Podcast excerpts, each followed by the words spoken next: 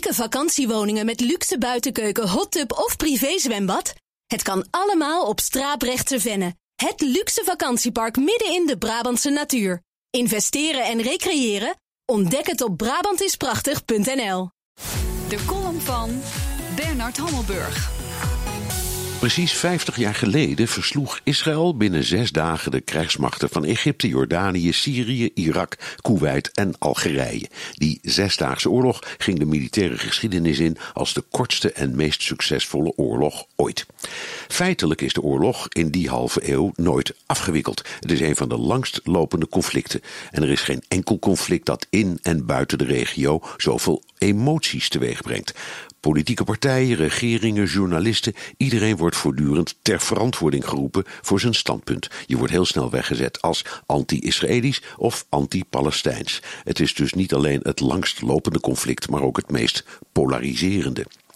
De feiten zijn verwarrend. Na de verovering van de westelijke Jordaanhoever, Gaza, de hoogvlakte van Golan en Jeruzalem hield de Israëlische VN-ambassadeur Abba Eban in de Veiligheidsraad een toespraak waarin hij terugtrekking uit die gebieden voorstelde in ruil voor erkenning van Israël door de omringende landen, vrede en garantie van veilige en erkende grenzen. Oud-premier en vader des vaderlands Ben Gurion waarschuwde voor een langdurige bezetting.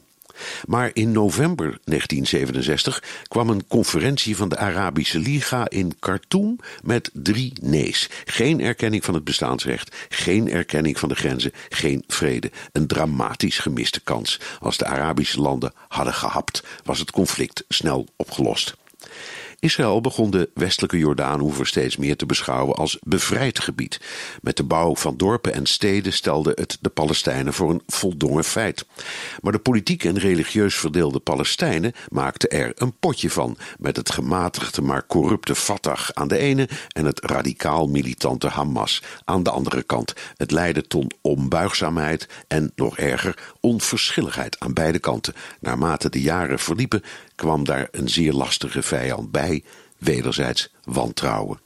Formeel hebben Israëliërs en Palestijnen alle VN-resoluties over het conflict, die allemaal uitgaan van een twee-staten-oplossing, onderschreven. Twee staten, dat blijft het formele uitgangspunt van de VN, de EU en elke politieke partij. De verwezenlijking lijkt steeds verder weg. En in de straten van Tel Aviv of Ramallah heeft gelatenheid en uitzichtloosheid geleid tot berusting. De standaardbegroeting in beide talen is: Vrede zij met u. Wat ze ermee bedoelen? Geen idee. Unieke vakantiewoningen met luxe buitenkeuken, hot tub of privézwembad? Het kan allemaal op Straaprechtse Venne. Het luxe vakantiepark midden in de Brabantse natuur. Investeren en recreëren? Ontdek het op Brabantisprachtig.nl